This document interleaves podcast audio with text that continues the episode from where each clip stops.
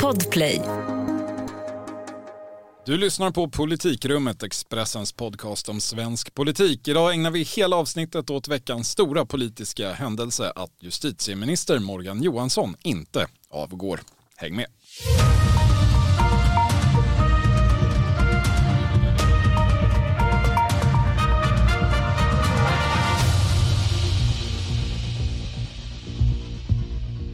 Det är tisdag den 7 juni och dags för sammanträde nummer 34 här i Politikrummet. Idag är det du, Thomas Nordenskjöld. Hallå. Och jag, Viktor Bartkron, som är närvarande. Och vi kommer direkt till studion från en riktigt fullsatt tillställning i riksdagshuset. Det var varmt, det var laddat och det slutade med att ingenting hände. Morgan Johansson sitter kvar. 174 eh, ledamöter röstade för att fälla honom i dagens misstroendeomröstning och det hade behövts en till.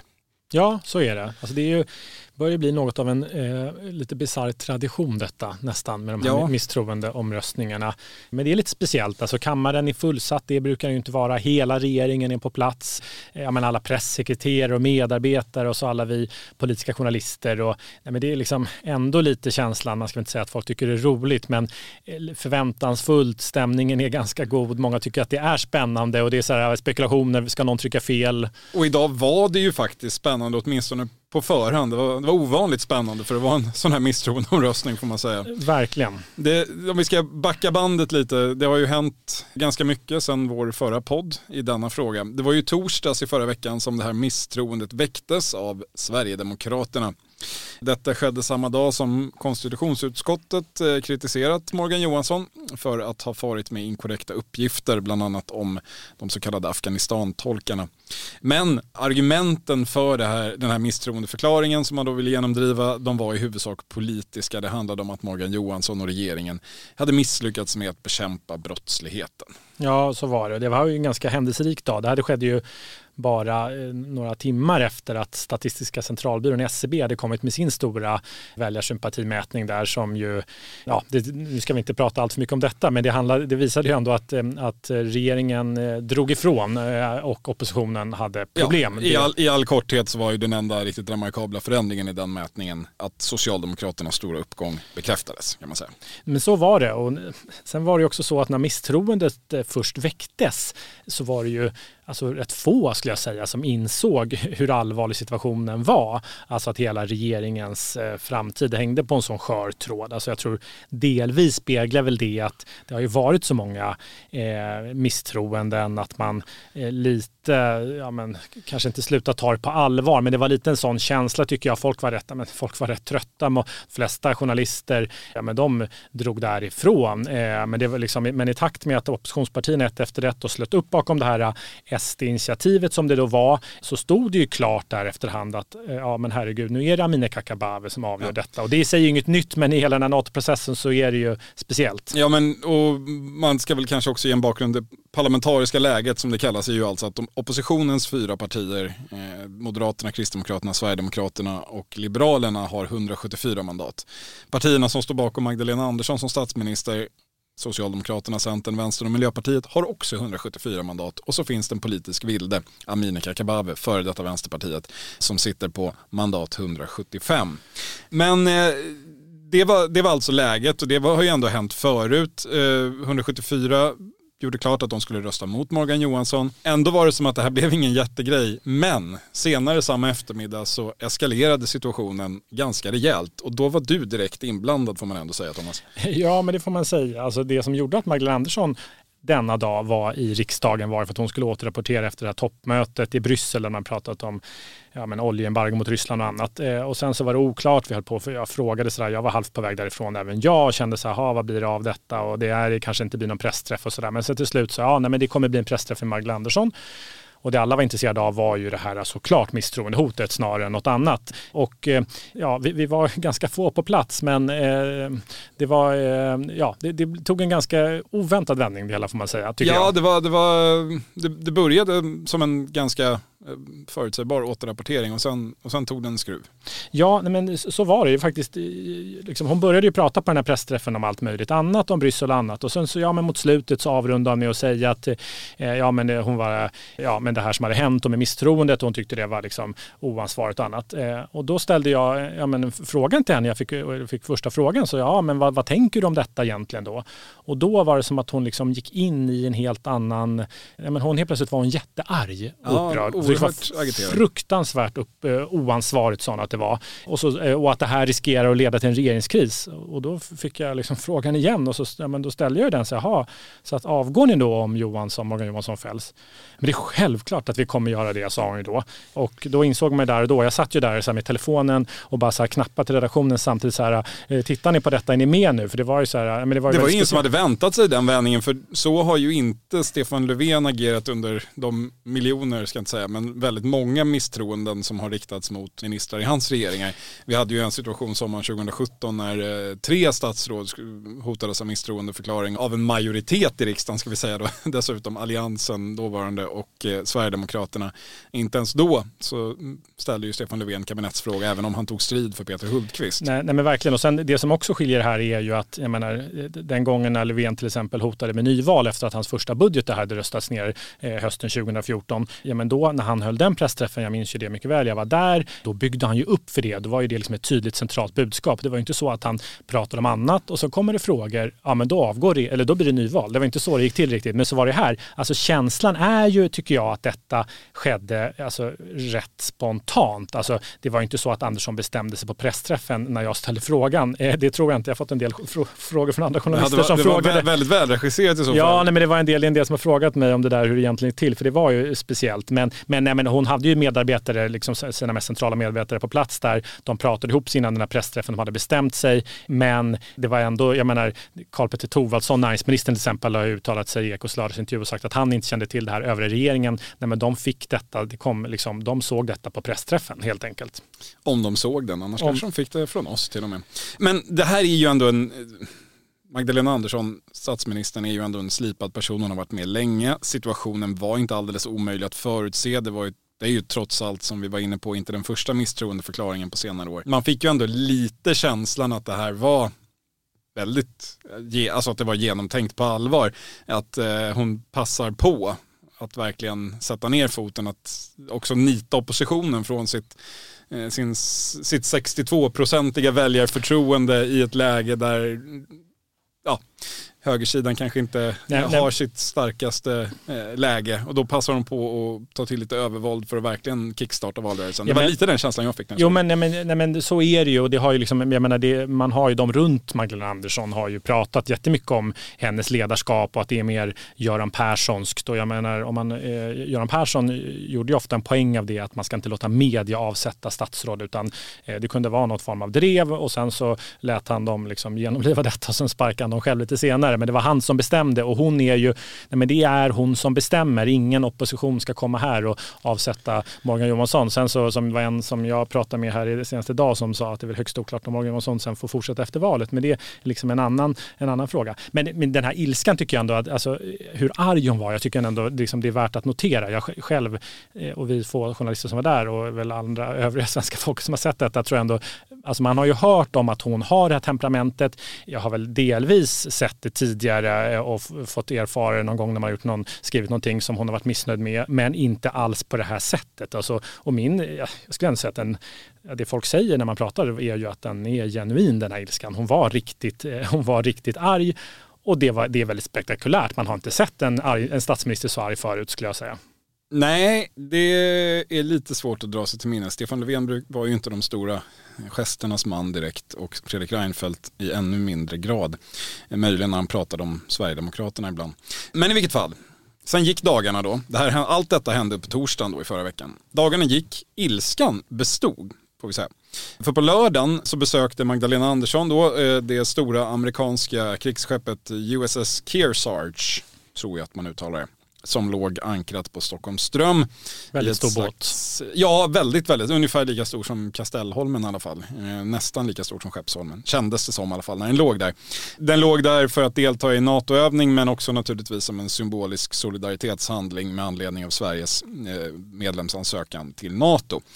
Vid tidigare tillfällen så har ju Magdalena Andersson tagit med sig Ulf Kristersson på den här typen av saker Eh, för att markera bred förankring, nationell samling och så vidare. Men nu tog hon istället med sig Annie Lööf som leder Socialdemokraternas 6-procentiga stödparti Centern. Eh, det var inte alls samma gest av nationell samling. Det var tvärtom demonstrativt och hon passade också på att eh, skicka både en och annan känga till Kristersson där på båten. Ja, men det gjorde hon verkligen. Alltså det var ju, alltså, borgfreden, ja, men den tog väl slut redan dagarna före där eh, i samband med eh, Anderssons vredesutbrott på den här pressträffen. Men det var ju väldigt tydligt så och det här sättet, det är ju liksom ytterligare en väldigt spektakulär inslag i detta är ju hur hårt hon dömer ut eh, Kristersson får man säga. Ja, hon sa då eh, på den här pressträffen med den amerikanska militären bakom sig i stort sett eh, att eh, han vill då rösta bort ett av de tre statsråd som är ansvariga för att ta Sverige in i NATO. Det gör att han inte hade varit en lämplig kandidat för att stå här idag. Han har visat att hans ledarskap uppenbart inte håller för situationen. Extremt hårt får man säga. Och det kom också en, eh, ja, stark motreaktion från Kristersson dagen efter när han skrev på sin Facebook-sida som han brukar kommunicera med omvärlden. Det är uppenbart att det inte är Sveriges bästa du har för ögonen, riktat till Magdalena Andersson alltså, utan Socialdemokraternas egna partiintressen. Ditt uppträdande de senaste dygnen är ovärdigt en svensk statsminister. Ja, nej men det, sen tycker jag att man vid sidan av, av detta väldigt höga tonläge som ju liksom, ja men någonstans har vi liksom kastats in med besked tillbaka i valrörelsen. Man undrade ju eh, när den skulle börja. Eh, nu har den väl börjat eh, och det är ett väldigt högt tonläge. Men det som också har liksom kommit med hela den här krisen och upp det här liksom framträdandet som Andersson gjorde med Löv är att det har ju ännu mer förstärkt bilden av ja, men hur Socialdemokraterna och Centerpartiet ändå eh, liksom har närmat sig varandra som en del i detta. Jag menar, det har ju varit en, en favoritspaning eh, från mig ett ganska länge. Med en, en, S, en SC-koalition efter valet. Nu har den blivit väldigt populär den spaningen. Det är många som pratar ja, om det. Ja, och jag som brukar då påpeka att det är fortfarande en väldigt liten koalition som behöver väldigt mycket uppbackning i riksdagen för att fungera. Eh, vill väl påpeka även det. Jag tror också, vi ska inte snöa in på det, att eh, i den mån det var överlagt så finns det en koppling mellan det här besöket och SCB-mätningen på torsdagen. Därför att det stora som händer, den stora väljarrörelsen i svensk politik eh, det senaste halvåret är alltså att väljare lämnar Centern för Socialdemokraterna. Jo. Vilket är ett problem för båda om man vill eh, bygga ett starkt samarbete på sikt. Jo. Socialdemokraterna vill nog ge Centern lite draghjälp och ser nog hellre att de där två procentenheterna går tillbaka för att eh, skapa god stämning och frid i sin framtida koalition. För jag, håller, ja. jag, jag tänker inte säga emot det på den punkten. Nej, Hur men, som helst. Ja. ja. Vi ska gå vidare. Vi gör så. Ja, för det här fortsatte ju då. Lördag eh, och USA-båt övergick i söndag och Facebook-utbrott och på söndagskvällen var det också debatt i TV4, partiledardebatt. Lite apart sådär dagen för en röd dag, men så var det och det blev ändå väldigt tät och laddad TV. Först en uppgörelse mellan Magdalena Andersson och Ulf Kristersson där de angrep varandra ändå med hyfsat, ja, det var, det var anständigt språkbruk men återhållet raseri känner man verkligen. Och sen plötsligt så kommer Ebba Busch med ett erbjudande. Släpp Morgan Johansson så garanterar Kristdemokraterna av alla människor lugn och ro för regeringen mandatperioden ut. Man skulle inte backa upp några eventuella kommande misstroendehot och man skulle hjälpa till med NATO-processen. Och reaktionen från Magdalena Andersson där i direktsändning var kanske inte heller den man hade väntat sig. Nej, alltså verkligen inte. Och eh, återigen eh, överraskande utveckling av hela den här krisen. För då helt plötsligt så sa ju hon att hon noga skulle fundera och överväga Ebba Buschs erbjudande. Och eh, eh det där eh, överraskade jättemånga, även inom social Socialdemokraterna eh, vet ju jag, för jag började direkt eh, sluta lyssna på den här debatten. Jag var ju på plats där på TV4 men insåg ju direkt att oj, vad händer nu? Alltså känslan var ju när man hörde det där, det kunde ju inte tolkas på annat sätt som att ja, men här mer eller mindre så Avsätter man Morgan Johansson i direktsändning? Ja men det var ju så det tolkades och även inom partiet. Jag menar jag pratat med, när man där sent på kvällen började smsa med olika lite regeringskällor och andra inom S och ja, men spekulationerna började direkt om vem som skulle ta över. Liksom, någon favorit, eh, jag menar jag fick något svar där, ja nej, men det blir väl Ygeman nu som tar över och så. Så att det där, det, nej, men det vittnar lite om att det där, det, det, där, det tolkas ju verkligen så. Och återigen, där, jag tycker det är lite intressant, så, så skedde det ju, det där skedde ju verkligen spontant. Jag menar, det, det vet jag, för jag, liksom, man undrade ju direkt, så, aha, har de gjort, finns det någon form av, det var någon inom partiet jag pratade med, ja men det liksom började viskas som en juniöverenskommelse, sommaröverenskommelse med KD och så vad är det som pågår? Nej men det var ju, Andersson hörde ju detta direkt, hon hade inte fått blivit förvarnad om detta, hörde det och sa, svarade spontant. Eh, och det, det är väl lite det som har kännetecknat den här krisen, att rätt mycket av det här, det är Anderssons ledarskap. Tror inte att det hade haft samma, jag menar Löfven hade kanske inte den rollen och det självförtroendet heller att eh, fatta beslut på eget bevåg. Eh, men det har hon gjort här ganska mycket. Det är hon som har bestämt hur, vad man ska göra och inte ja, göra. Det var, det var ju en kontrast mellan den, den väldigt hårda ton som hon hade haft mot oppositionen då, Magdalena Andersson, och när hon får det här väldigt, vad ska jag säga, ja, det är ju ett erbjudande som egentligen går ut på att hon ska sparka den minister som hon till varje pris skulle försvara. Och så reagerar hon på ett helt annat och inte alls konfrontativt sätt då, eh, Andersson. Det, det kändes som att det skulle bli svårt att, att backa tillbaka in i den konfrontativa buren om man säger så. Så blev det inte riktigt. Det blev nationaldag, det blev tyst och då var den huvudsakliga linjen i spekulationerna då precis det du var inne på Thomas, att det, att det skulle sluta med att Morgan Johansson mer eller mindre frivilligt klev åt sidan, ersatts av någon annan och att det skulle bli ett slags mer eller mindre uttalad decemberöverenskommelse i mikroformat får vi säga. Där, där då, eh, Inte med koder då tänker du utan med Jo, ja, ja, ja, ja, därför att Moderaterna och Liberalerna kommer ju också ut då under måndagen eh, och talar om att jo men vi kan väl också tänka oss att kanske inte bråka så mycket med regeringen om man mm. bara kan flytta på Morgan Johansson. Ja, det, det, blev, eh, Sverigedemokraterna fortsatte vifta med armarna och säga att vi kommer absolut inte hjälpa till med något. Så där, där, där uppstod någon slags bred mittenöverenskommelse om borgfred i utbyte mot Morgan Johansson typ. Och där trodde väl de flesta att det skulle landa, men det gjorde det inte. Utan det blev några vändningar till. Nej, men det blev det. det, det... Just nu pågår vår stora season sale med fantastiska priser på möbler och inredning. Passa på att fynda till hemmets alla rum, inne som ute, senast den 6 maj. Gör dig redo för sommar. Välkommen till Mio. CSRD, ännu en förkortning som väcker känslor hos företagare. Men lugn, våra rådgivare här på PWC har koll på det som din verksamhet berörs av. Från hållbarhetslösningar och nya regelverk till affärsutveckling och ansvarsfulla AI-strategier. Välkommen till PWC. Liksom, och när man, pratar, när man sen pratade med de här, äh, men många blev ju sådär, ja nej, men det är självklart att Andersson gör, när man pratade med ledande socialdemokrater, ja men det var ledarskap, stort ledarskap av henne att göra på det här sättet och så och självklart måste man noga överväga det erbjudandet. Men sen så vartefter och framförallt nu efterhand när vi har facit så säger ju många att ja men det, det, det där var ju inte ett riktigt erbjudande och det var ju, jag menar vad, vad var det egentligen vi fick? Ja men de skulle inte avsätta någon ny, något nytt statsråd innan, innan valet och jag menar det, och det har de ju kanske en poäng i för jag menar hur, jag vet inte hur flott det där erbjudandet var Men kan, kan, det inte vara så att, där, att allt handlar om hur gick det i samtalen då med den politiska vilden Amineh Kakabaveh? Exakt för, det, så. för vi, åter, vi återkommer ju dit, men hade de samtalen sett ut att sluta i ett haveri, sett ut att sluta i att hon faktiskt skulle rösta mot Morgan Johansson, då är det väl ändå tänkbart att det där erbjudandet från Ebba Busch kanske hade varit lite mer intressant än vad det till slut blev. För nu idag, tisdag eh, tidigt på morgonen, så landade Amineh Kakabaveh till sist efter sina många piruetter i media. Enligt egen utsago så bestämde hon sig på väg till SVTs morgonstudio för att nej, hon skulle trots allt inte medverka till att fälla Morgan Johansson. Och där var stod, föll ju lite grann behovet då kanske av en eh, SKD-uppgörelse. Ja, nej men verkligen. Men alltså det är ju, alltså parallellt med, med, med, med allt det här andra så har det ju förts då liksom intensiva eh, samtal mellan Socialdemokraterna, framförallt då partisekreteraren Tobias Badin och den politiska vilden Amineh Kakabaveh här under helgen. Ja, men de träffades på eh, eftermiddagen där på nationaldagen på måndagen och sen så, så sent som tidigt på, här på tisdagsmorgonen så eh, hade de nya samtal och de säger då, från S hävdar man att man inte gav henne någonting mer men det handlade mer om att eh, liksom, försäkra henne om att den tidigare uppgörelsen den ligger fast. Eh, sen ska man säga att den är nog alldeles tillräcklig för att reta upp Turkiet. Ja, den handlar ju då om att eh, det socialdemokratiska, det, blev, det är ju rättare sagt, ska vi säga så här, det är två uppgörelser som man har gjort med Amineh Kakabaveh. Det var en när Stefan Löfven skulle väljas om sommaren 2021 och en annan när Magdalena Andersson skulle tillträda. Och den som gällde när Magdalena Andersson skulle tillträda var väl den mest explosiva i sammanhanget för den handlade ju om Socialdemokraternas relationer med eh, kurdiska självstyret i norra Syrien då bland annat. Eh, och att man skulle ge stöd dit och eh, fördjupa relationerna och sånt där. Och annat som då kanske inte är helt i linje med de signaler man nu vill skicka till Ankara för att Ver, de ska släppa inte. in oss i NATO.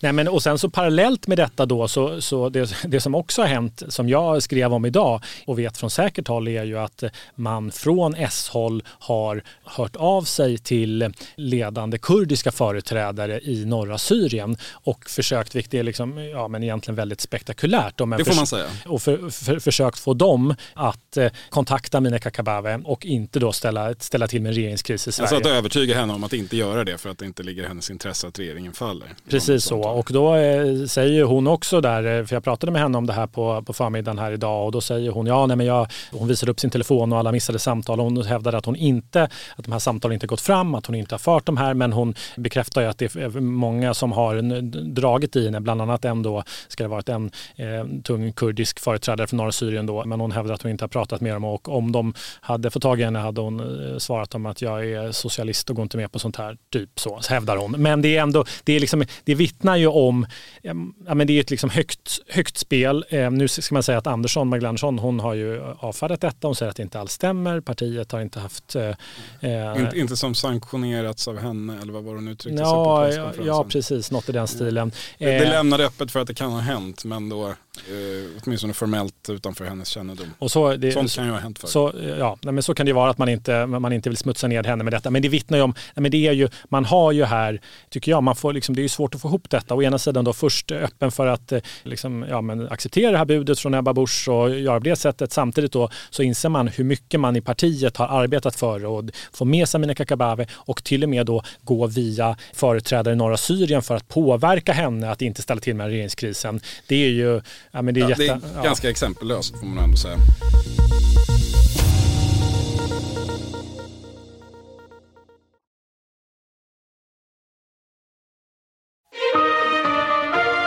Det är många turer som alltså leder fram till att eh, resultatet blir det det blev när Magdalena Andersson valdes till statsminister, nämligen då att eh, eh de fyra partierna till höger, mangrant, eh, röstar eh, nej. Alltså 174 mandat, eh, alla ledamöter för Moderaterna, Kristdemokraterna, Liberalerna och Sverigedemokraterna röstar ju för att fälla Morgan Johansson.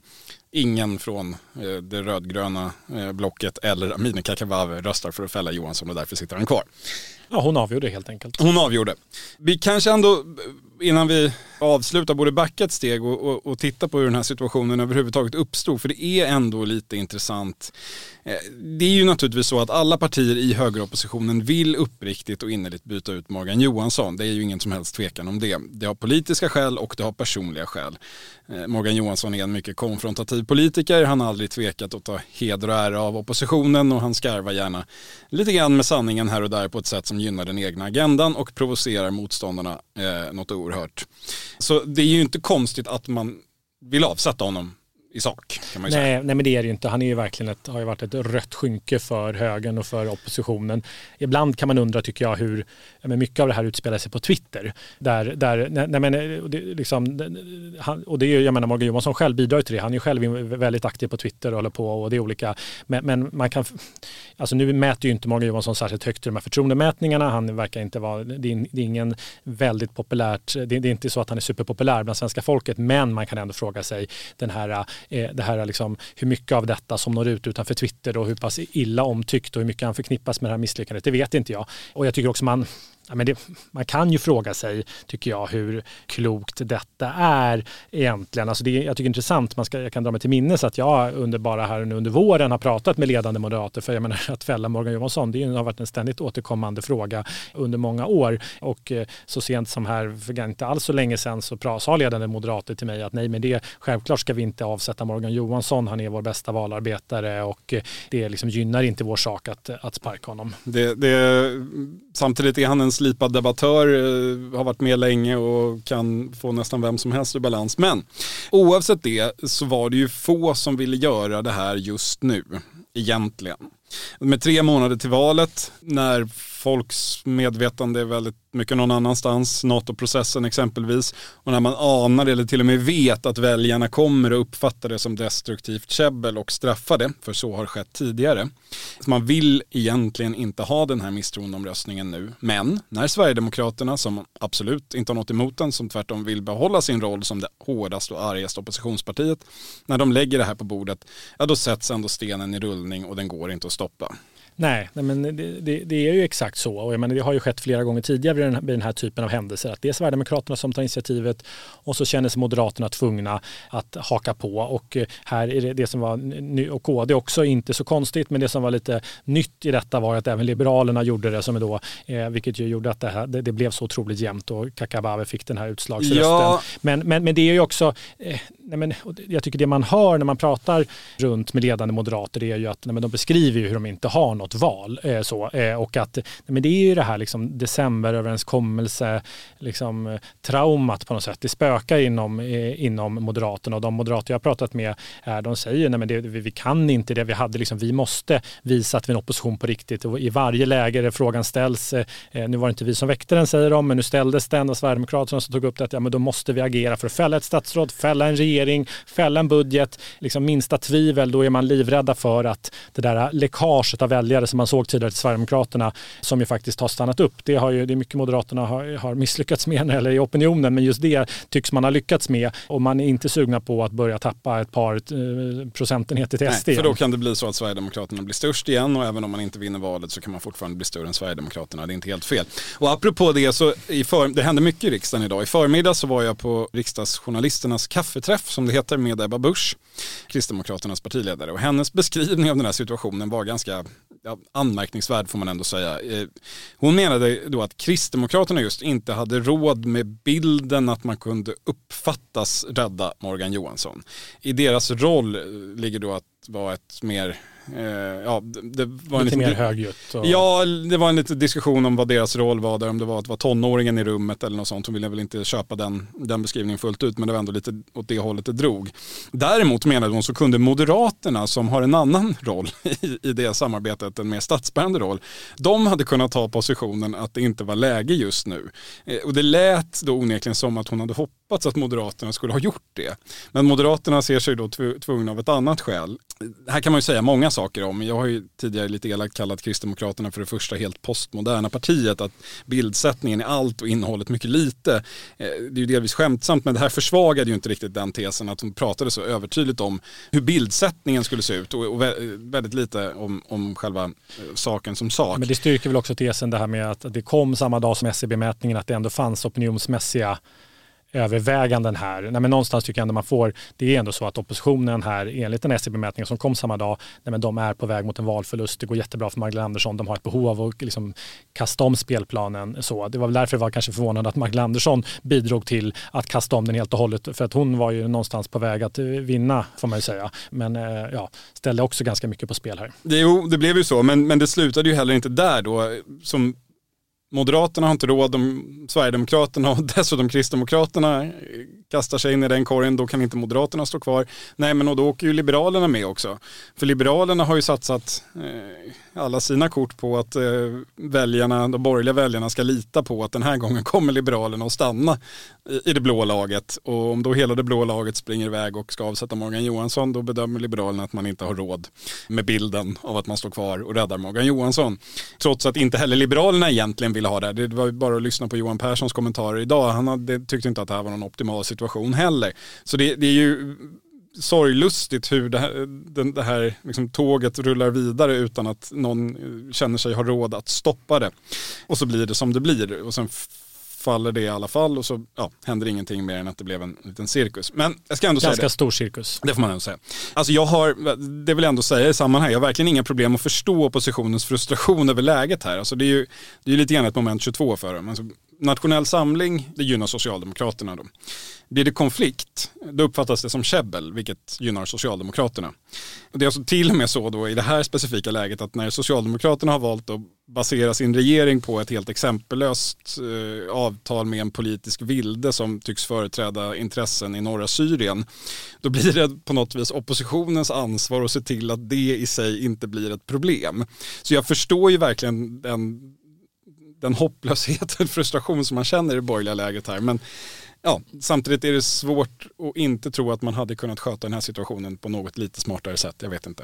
Eh, nej, precis så. Alltså, eh, man får väl, nu vet vi ju inte alls. Vi får väl se hur opinionen utvecklas här. Eh, erfarenheten från tidigare sådana här misstroendecirkusar tidigare mandatperioder är ju att det sällan har gynnat eh, oppositionen. Eh, så mycket kan man väl konstatera. Eh, hur det blir nu och det här inslaget med Magdalena Andersson som visar upp en, en ny sida, eller kanske inte ny, men en sida som hon inte har visat upp så mycket tidigare utåt. Den här um, ilskan. Vi får väl se hur det, hur det faller ut. Så. Sen är det väl också, tycker jag, man bara ska säga det, att det som skulle kunna göra att det här tar en ny vändning, det är ju vad som händer med NATO-processen. Skulle det vara så att det helt, jag, menar, jag vet inte om det kan haverera så mycket mer än vad det redan har gjort med Turkiet, men skulle det göra det att Turkiet, ut, liksom, jag menar, det har redan rapporterats rapporterats i turkiska medier idag om, om detta och de har varit ganska noga med att, jag antar att det är någon, på en, någon pigg person på den turkiska ambassaden här i Stockholm som eh, återrapporterar vad som sägs. Det går väldigt snabbt innan saker dyker upp som sägs i Sverige dyker upp i Turkiet. Så att man får väl se, men då, då, skulle det kunna bli, då skulle det kunna bli en ny vändning. Då helt plötsligt har ju priset för denna cirkus blivit väldigt mycket högre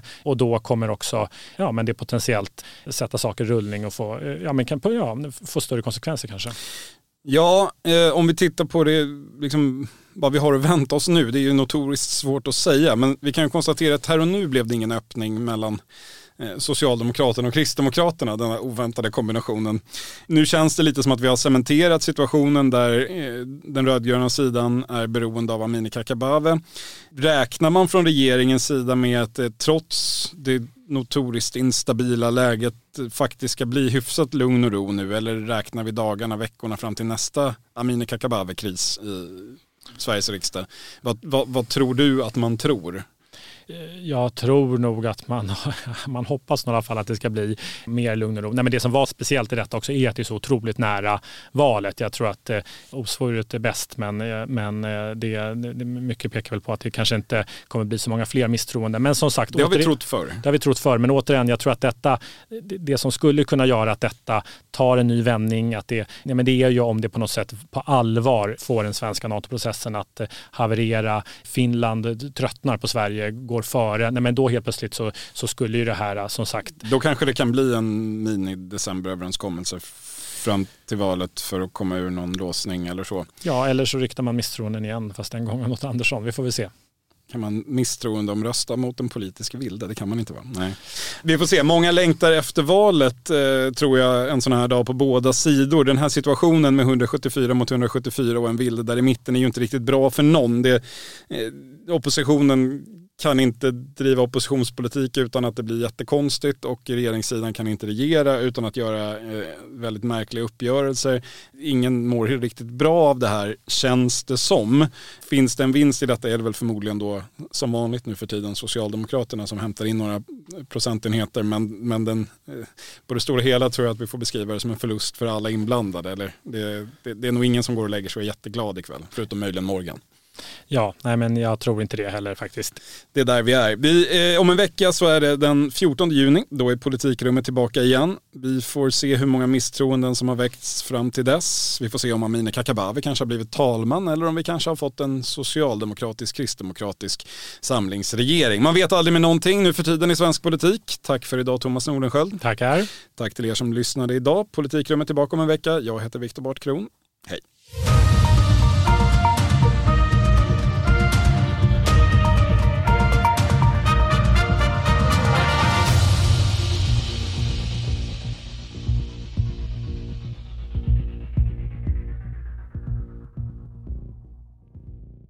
Du har lyssnat på en podcast från Expressen.